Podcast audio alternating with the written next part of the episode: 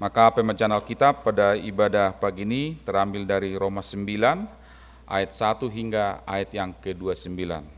Roma 9 ayat 1 hingga yang ke-29. Pilihan atas Israel. Aku mengatakan kebenaran dalam Kristus. Aku tidak berdusta. Suara hatiku turut bersaksi dalam Roh Kudus bahwa aku sangat berduka cita dan selalu bersedih hati. Bahkan aku mau terkutuk dan terpisah dari Kristus demi saudara-saudaraku, kaum sebangsaku secara jasmani. Sebab mereka adalah orang Israel. Mereka telah diangkat menjadi anak dan mereka telah menerima kemuliaan dan perjanjian-perjanjian dan hukum Taurat dan ibadah dan janji-janji. Mereka adalah keturunan bapa-bapa leluhur, yang menurunkan Mesias dalam keadaannya sebagai manusia yang ada di atas segala sesuatu. Ia adalah Allah yang harus dipuji sampai selama-lamanya. Amin. Akan tetapi firman Allah tidak mungkin gagal, sebab ia semua orang yang berasal dari Israel adalah orang Israel. Dan juga tidak semua orang yang terhitung keturunan Abraham adalah anak Abraham, tetapi yang berasal dari Ishak yang akan disebut keturunanmu. Artinya, bukan anak-anak menurut daging adalah anak-anak Allah, tetapi anak-anak perjanjian yang disebut keturunan yang benar. Sebab firman ini mengandung janji, pada waktu seperti inilah aku akan datang dan Sarah akan mempunyai seorang anak laki-laki. Tetapi bukan hanya itu saja. Lebih terang lagi ialah Rika yang mengandung dari satu orang, yaitu dari Ishak, bapa leluhur kita. Sebab waktu anak-anak itu belum dilahirkan dan belum melakukan yang baik atau yang jahat, supaya rencana Allah tentang pemilihannya diteguhkan, bukan berdasarkan perbuatan, tetapi berdasarkan panggilannya. Dikatakan kepada Rika, anak yang tua akan menjadi hamba anak yang muda, seperti ada tertulis Aku mengasihi Yakub tetapi membenci Esau. Jika demikian, apakah yang hendak kita katakan? Apakah Allah tidak adil? Mustahil. Sebab ia berfirman kepada Musa, Aku akan menaruh belas kasihan kepada siapa aku mau menaruh belas kasihan, dan aku akan bermurah hati kepada siapa aku mau bermurah hati. Jadi hal itu tidak tergantung pada kehendak orang atau usaha orang, tetapi kepada kemurahan hati Allah. Sebab kitab suci berkata kepada Firaun, Itulah sebabnya aku membangkitkan engkau, yaitu supaya aku memperlihatkan kuasaku di dalam engkau, dan supaya namaku dimasyurkan di seluruh bumi. Jadi ia menaruh belas kasihan kepada siapa yang dikehendakinya, dan ia mendengarkan hati, mendengarkan hati siapa yang dikehendakinya. Sekarang kamu akan berkata kepadaku, jika demikian, apalagi yang masih disalahkannya, sebab siapa yang menentang kehendaknya, siapakah kamu, hai manusia, maka kamu membantah Allah, dapatkah yang dibentuk berkata kepada yang membentuknya, Mengapakah engkau membentuk aku demikian?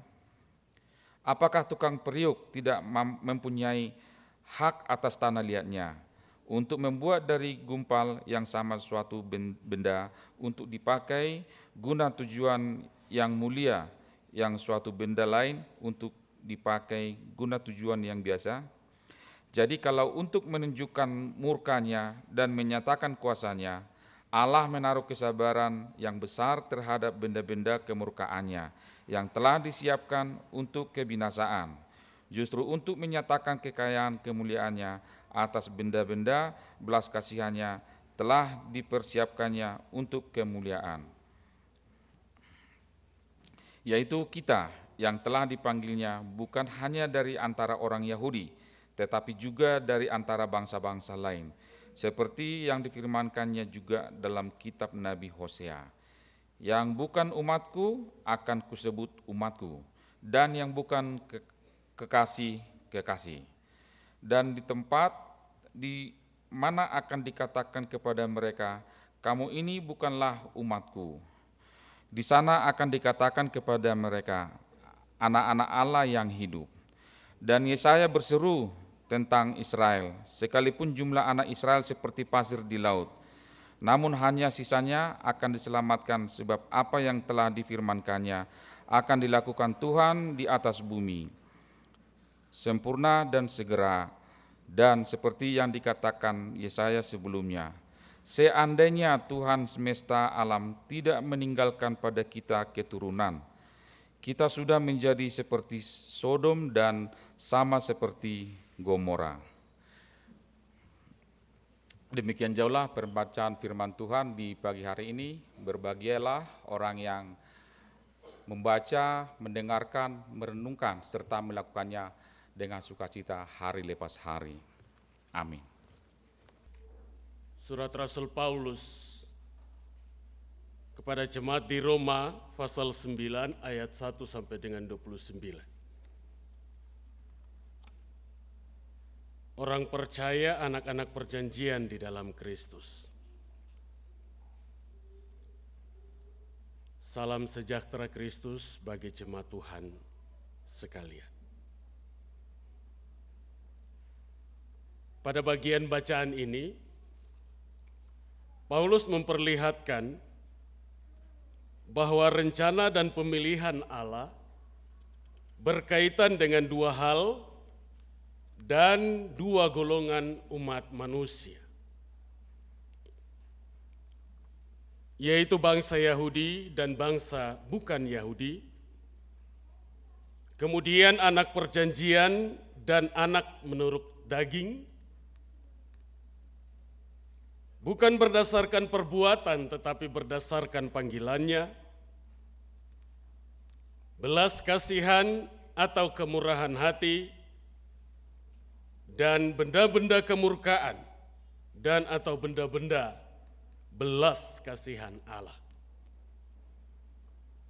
Jika direfleksikan dengan sejarah penginjilan ke 168 tahun, perjumpaan Yesus Kristus dengan bangsa dan negeri Papua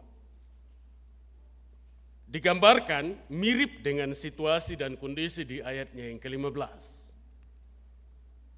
Aku akan menaruh belas kasihan kepada siapa aku mau menaruh belas kasihan, dan aku akan bermurah hati kepada siapa aku mau bermurah hati.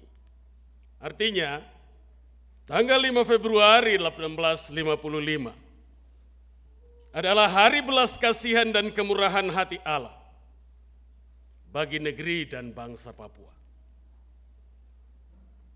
Yang sebenarnya kalau bila dilihat dibuat sebuah refleksi khususnya pada ayatnya yang ke-22. Jadi kalau untuk menunjukkan murkanya dan menyatakan kuasanya, Allah menaruh kesabaran yang besar terhadap benda-benda kemurkaannya yang telah disiapkan untuk kebinasaan. Hanya kesabaran Tuhan atau dalam masa kesabaran Tuhan – negeri dan bangsa Papua sebenarnya berhadapan dengan murka Tuhan yang membinasakan. Atau Papua mungkin tidak lagi berjumpa dengan Injil Tuhan Yesus Kristus. Tetapi justru pada masa kesabaran Tuhan itu, negeri dan bangsa Papua terpilih ataupun Tuhan memilih Justru untuk menyatakan kekayaan kemuliaan atas benda-benda belas kasihannya yang telah dipersiapkannya untuk kemuliaan. Yaitu kita yang telah dipanggilnya bukan hanya dari antara orang Yahudi, tetapi juga dari antara bangsa-bangsa lain. Maka perubahan Papua ke dalam Injil bukan karena permohonan Papua itu sendiri, tetapi karena panggilan Tuhan ataupun pilihan Tuhan untuk menjadi benda-benda belas kasihan Allah. Inilah dasar utama pembaruan Tuhan kepada manusia Papua dan negeri mereka. yaitu bahwa Papua sudah menjadi bangsa yang disiapkan Tuhan untuk menyinarkan kemuliaannya bagi bangsa-bangsa, yaitu melalui Injil Yesus Kristus. Pada keseluruhan bagian bacaan kita di Roma pasal 9 ayat 1 sampai dengan 29. Bagian awal teks menjelaskan kepada kita bahwa dengan penuh kesungguhan Paulus menyampaikan duka cita dan bersedih hati. Duka cita dan bersedih hati atas bangsa Israel atau bangsanya sendiri secara jasmani itu. Alasan duka cita dan kesedihan Paulus tidak ditemukan pada bacaan sebelumnya dan bacaan sesudahnya seperti bagian-bagian kitab lainnya. Sehingga para penafsir berpendapat bahwa teks bagian ini adalah sisipan atau tambahan pada kitab Roma. Namun alasan duka cita dan kesedihan hati Paulus dikemukakan berdasarkan peristiwa yang tercatat di dalam kisah para rasul pasal 21 ayatnya yang ke-28. Di mana sang rasul mengalami fitnahan sampai dengan ancaman pembunuhan dari orang-orang Yahudi yang adalah bangsanya sendiri. Sebuah peristiwa yang terjadi sesudah Paulus menulis surat Roma. Peristiwa ini juga menunjukkan bagaimana perasaan orang-orang Yahudi terhadap dirinya. Kemudian Paulus juga menyampaikan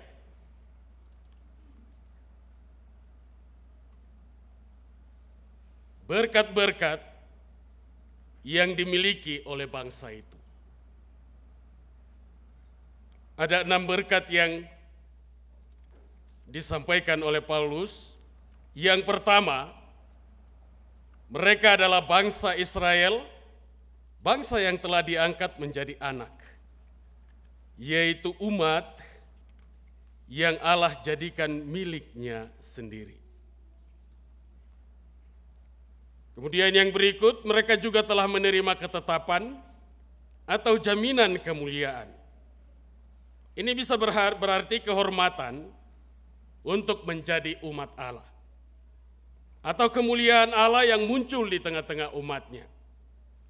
Kemudian yang ketiga, mereka juga memiliki hukum Taurat, beribadah ataupun penyembahan kepada Allah sebagai upacara di tabernakel dan juga di bait Allah. Mereka memiliki janji-janji Allah, khususnya janji tentang Mesianis atau kedatangan Sang Mesias itu. Yang kelima, para leluhur Abraham, Ishak dan Yakub juga dari bangsa mereka. Dan yang keenam, tetapi berkat yang terbesar bagi mereka adalah Kristus yang secara daging berasal dari bangsa Israel. Tetapi tokoh Kristus ini yang secara manusia berasal dari bangsa Israel adalah Allah yang harus dipuji sampai selama-lamanya. Dengan mengetahui kedudukan Kristus yang tinggi, kesedihan hati Paulus justru bertambah karena kebutaan rohani bangsanya. Karena mereka telah menolak sang Mesias itu. Mesias yang dijanjikan kepada bangsa ini telah ditolak. Jangankan Mesias, para utusan dan para nabi terdahulu telah dibunuh. Mesias pun ditolak. Para rasul Kristus pun difitnah dan diancam untuk dibunuh. Itu yang menjadi dasar kenapa Rasul Paulus menyampaikan duka cita dan kesedihan hatinya. Kemudian Paulus menambahkan, firman Allah tidak mungkin gagal. Paulus memberikan contoh tentang Ishak dan Ismail, anak perjanjian dan anak menurut daging. Contoh yang berikut adalah Esau dan Yakub. Allah membenci Esau tapi mengindahkan Yakub. Dan contoh yang berikut adalah Musa dan Firaun. Allah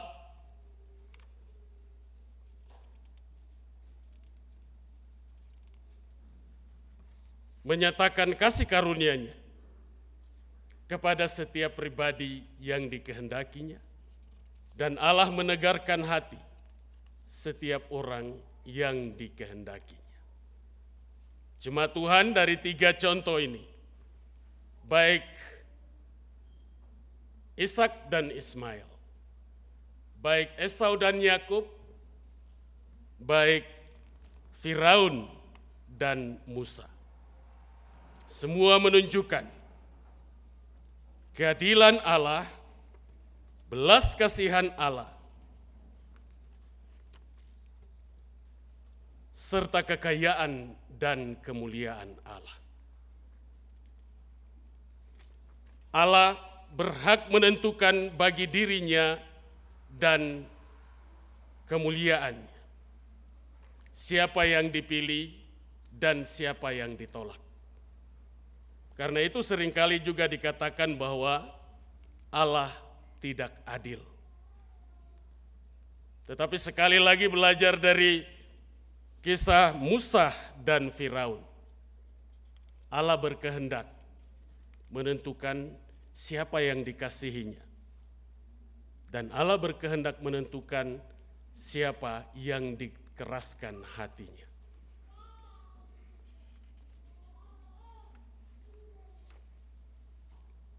Kemudian Paulus memberikan ilustrasi.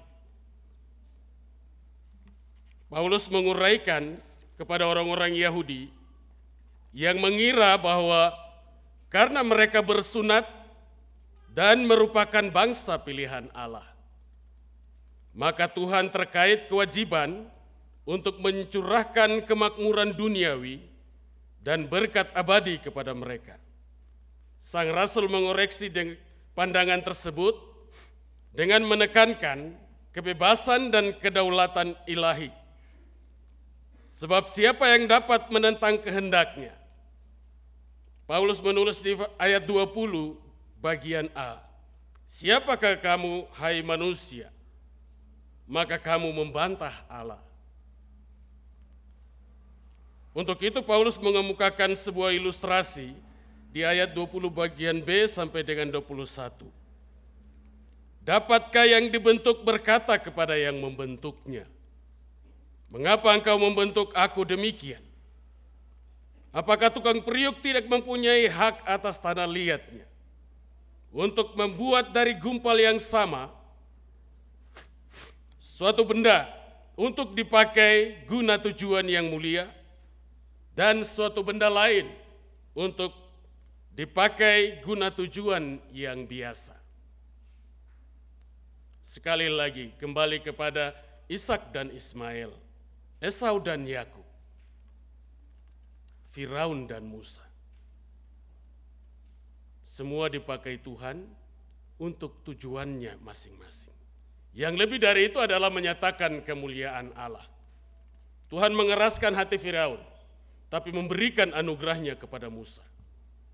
Tuhan memilih Yakub, tetapi tidak membuang Esau. Tuhan memilih Ishak sebagai anak perjanjian, tetapi tidak menghilangkan Ismail. Ilustrasi tentang tukang periuk ini pernah digunakan juga dengan sangat berhasil oleh Yeremia pada abad sebelumnya. Yeremia pasal 18 ayat 4 sampai dengan yang ke-6. Paulus menekankan kekuasaan sepenuhnya dari tukang periuk atas tanah liat untuk dibentuk sesuai dengan kehendak tukang periuk. Sebuah benda itu dihormati atau tidak tergantung pada kegunaan yang ditetapkan untuk benda itu. Benda yang satu mungkin dimaksudkan untuk menampung air, sedangkan yang lain untuk membuang kotoran. Bahan yang sama dipakai untuk membuat kedua benda itu, tetapi keduanya dibentuk untuk melaksanakan fungsi yang berbeda. Sehingga tukang periuk memberikan kedua benda tersebut bentuknya masing-masing sesuai dengan fungsinya. Ilustrasi ini untuk menjelaskan tentang gambaran yang diberikan oleh Paulus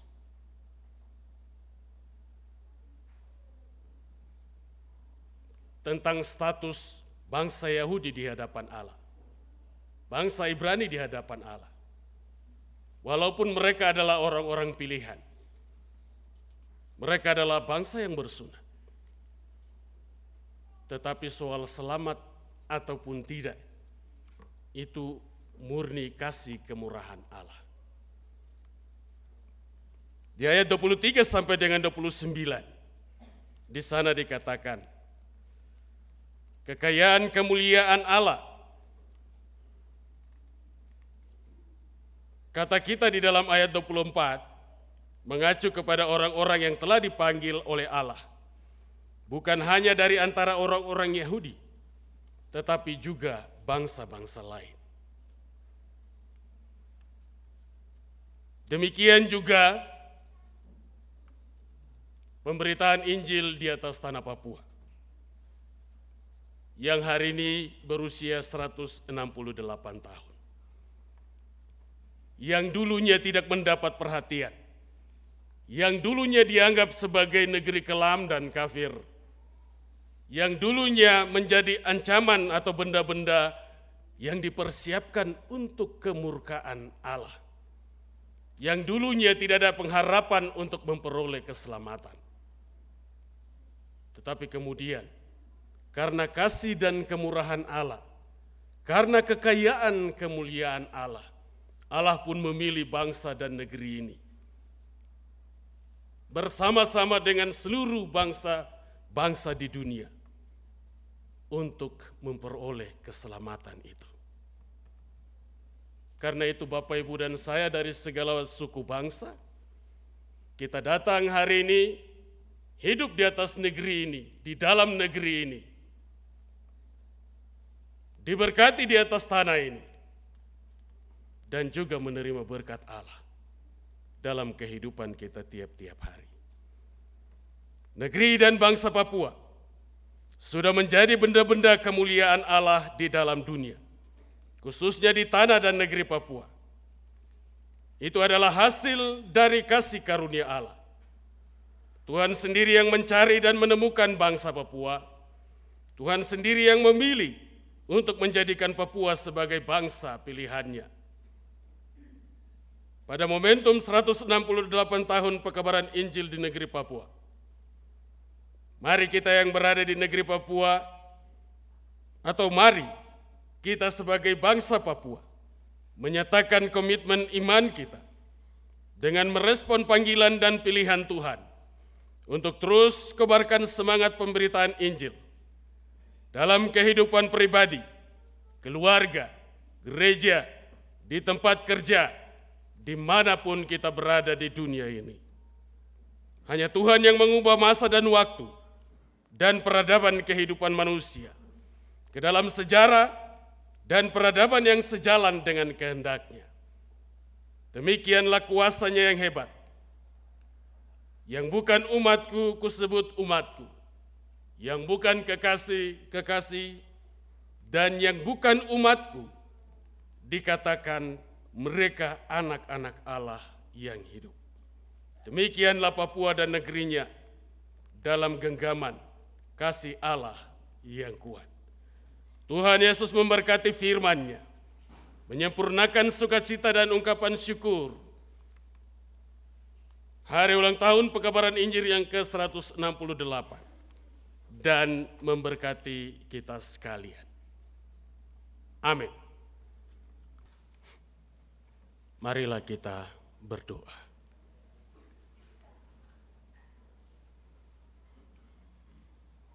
Allah Bapa di dalam kerajaan surga, terpujilah namamu kekal sampai selama-lamanya. Inilah kami umatmu, kami datang bersekutu, beribadah, memuliakan namamu. Tanda kasih dan penyertaanmu, pemeliharaan dan berkat-berkatmu, terus bagi kami, dalam hari-hari kehidupan, hari-hari kerja kami yang telah kami lalui. Berkatmu cukup, hidup kami berkelimpahan.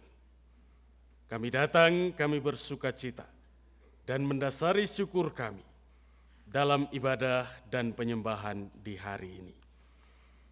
Bapa di surga, kami membawa dan memberikan segala yang terbaik yang kami miliki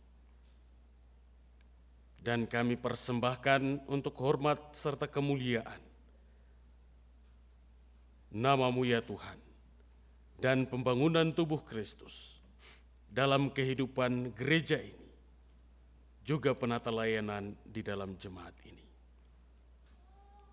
Selain kami memberikan diri dan kehidupan kami, apa yang ada pada kami, kami bawa dan kami persembahkan bersama dengan persembahan-persembahan umatmu ya Tuhan. Hamba bawa dan perhadapkan buat ungkapan syukur umatmu.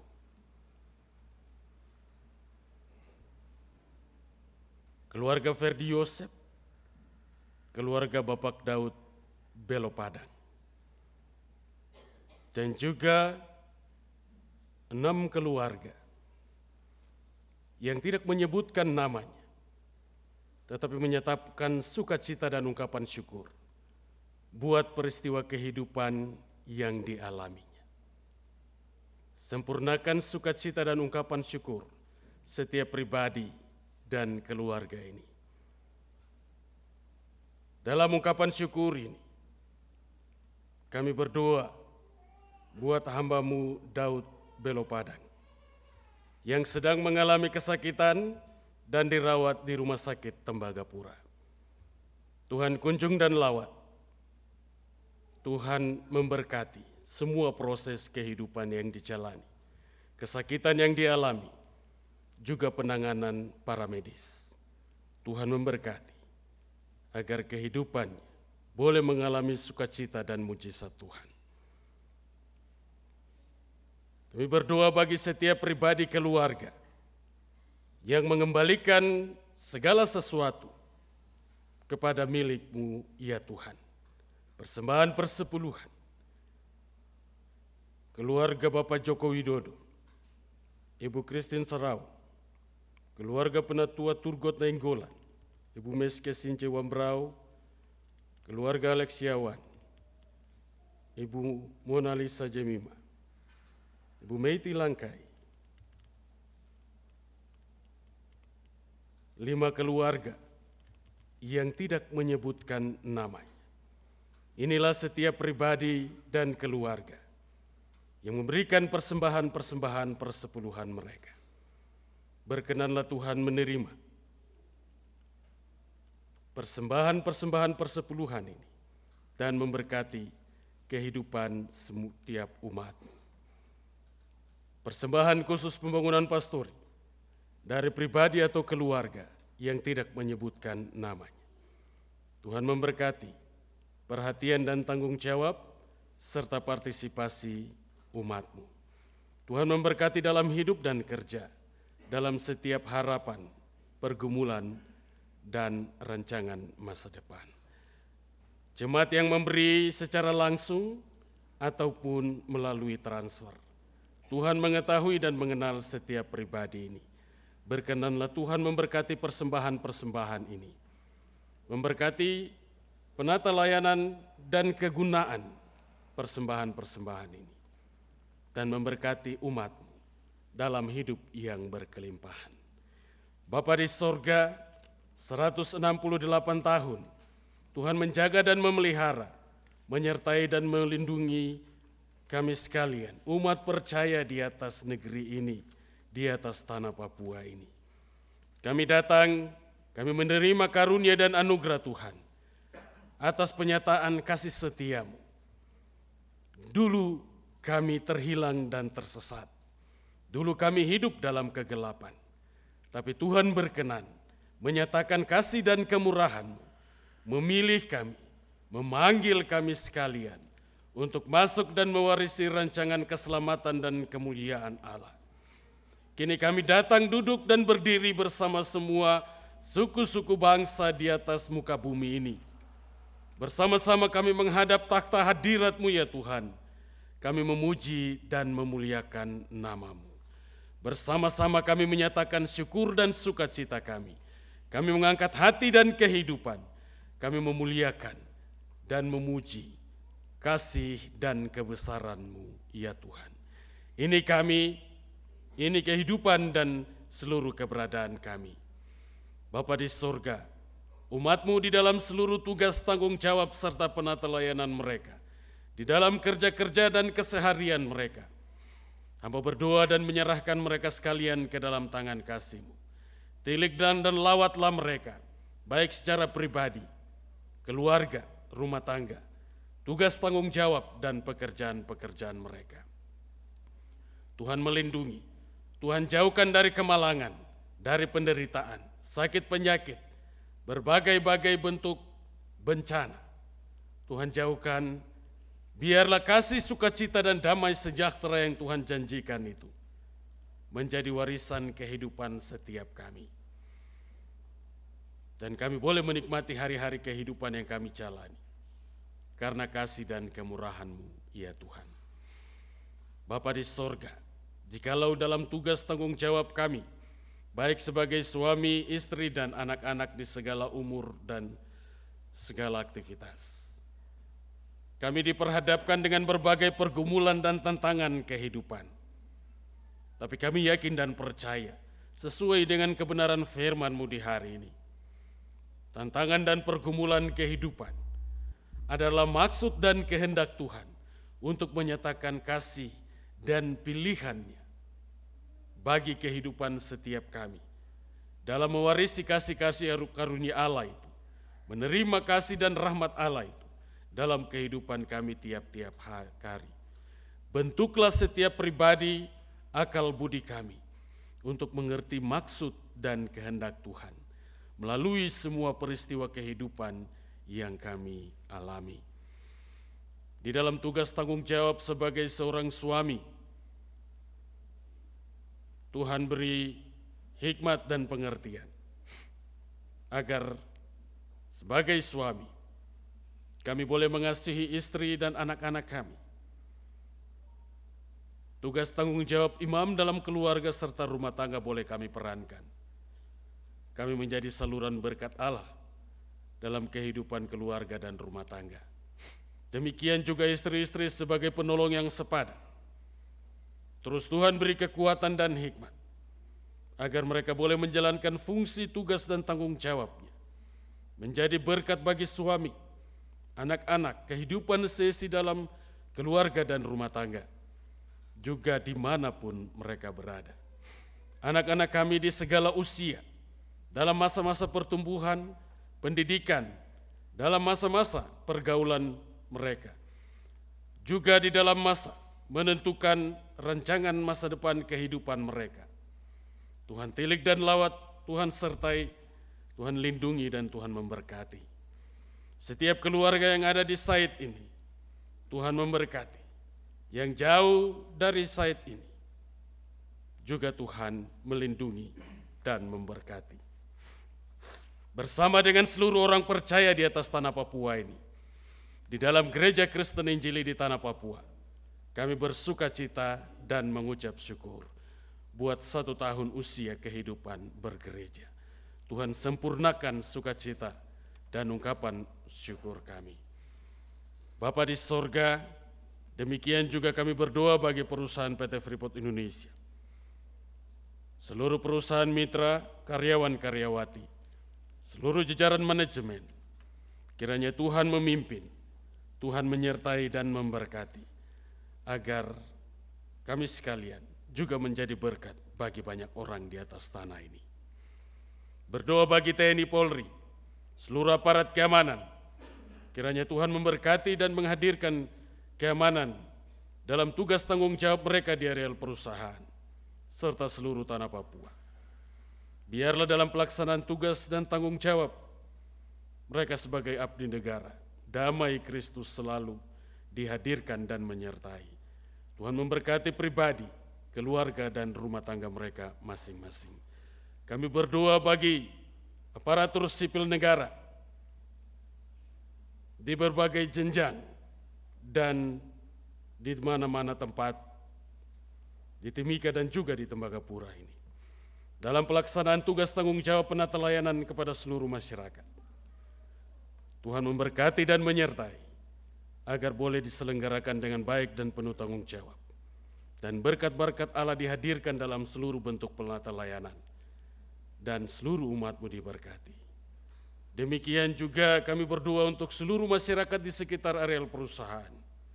Tuhan memberkati dan menghadirkan damai sejahteramu bagi mereka.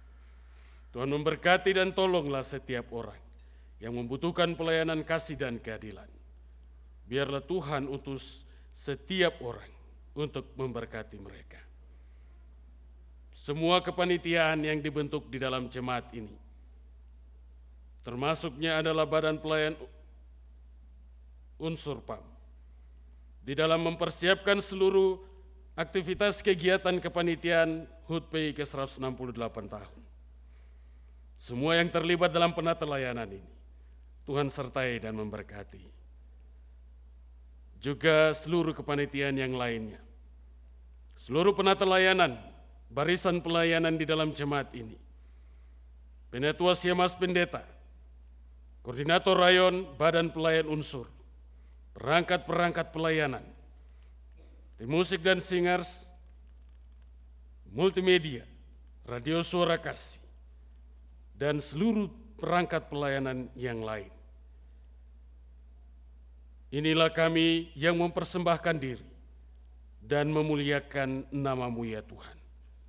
Tuhan menyempurnakan seluruh penata layanan kami di hari ini dan memberkati kami dalam hidup dan kerja kami dan juga penata layanan kami di sepanjang minggu kerja yang baru. Banyak di antara warga jemaat kami yang sedang mengalami kemalangan dan penderitaan, yang sedang sakit, dan juga ada yang menjalani masa karantina. Tuhan kunjung dan lawat, Tuhan sertai, hibur dan kuatkan, dan Tuhan memulihkan dari penderitaan yang dialami. Demikian juga kami berdoa bagi seluruh orang percaya di atas tanah ini. Tuhan kunjung dan lawat, Tuhan sempurnakan sukacita dan ungkapan syukur. Dan biarlah berkat-berkat Tuhan mengalir dalam kehidupan setiap kami. Sehingga di dalam nama Yesus Kristus, kami memuji dan mengagungkan kasih-Mu, ya Allah. Kami hendak memasuki hari hidup dan minggu kerja kami yang baru. Tuhan sertai, Tuhan memberkati.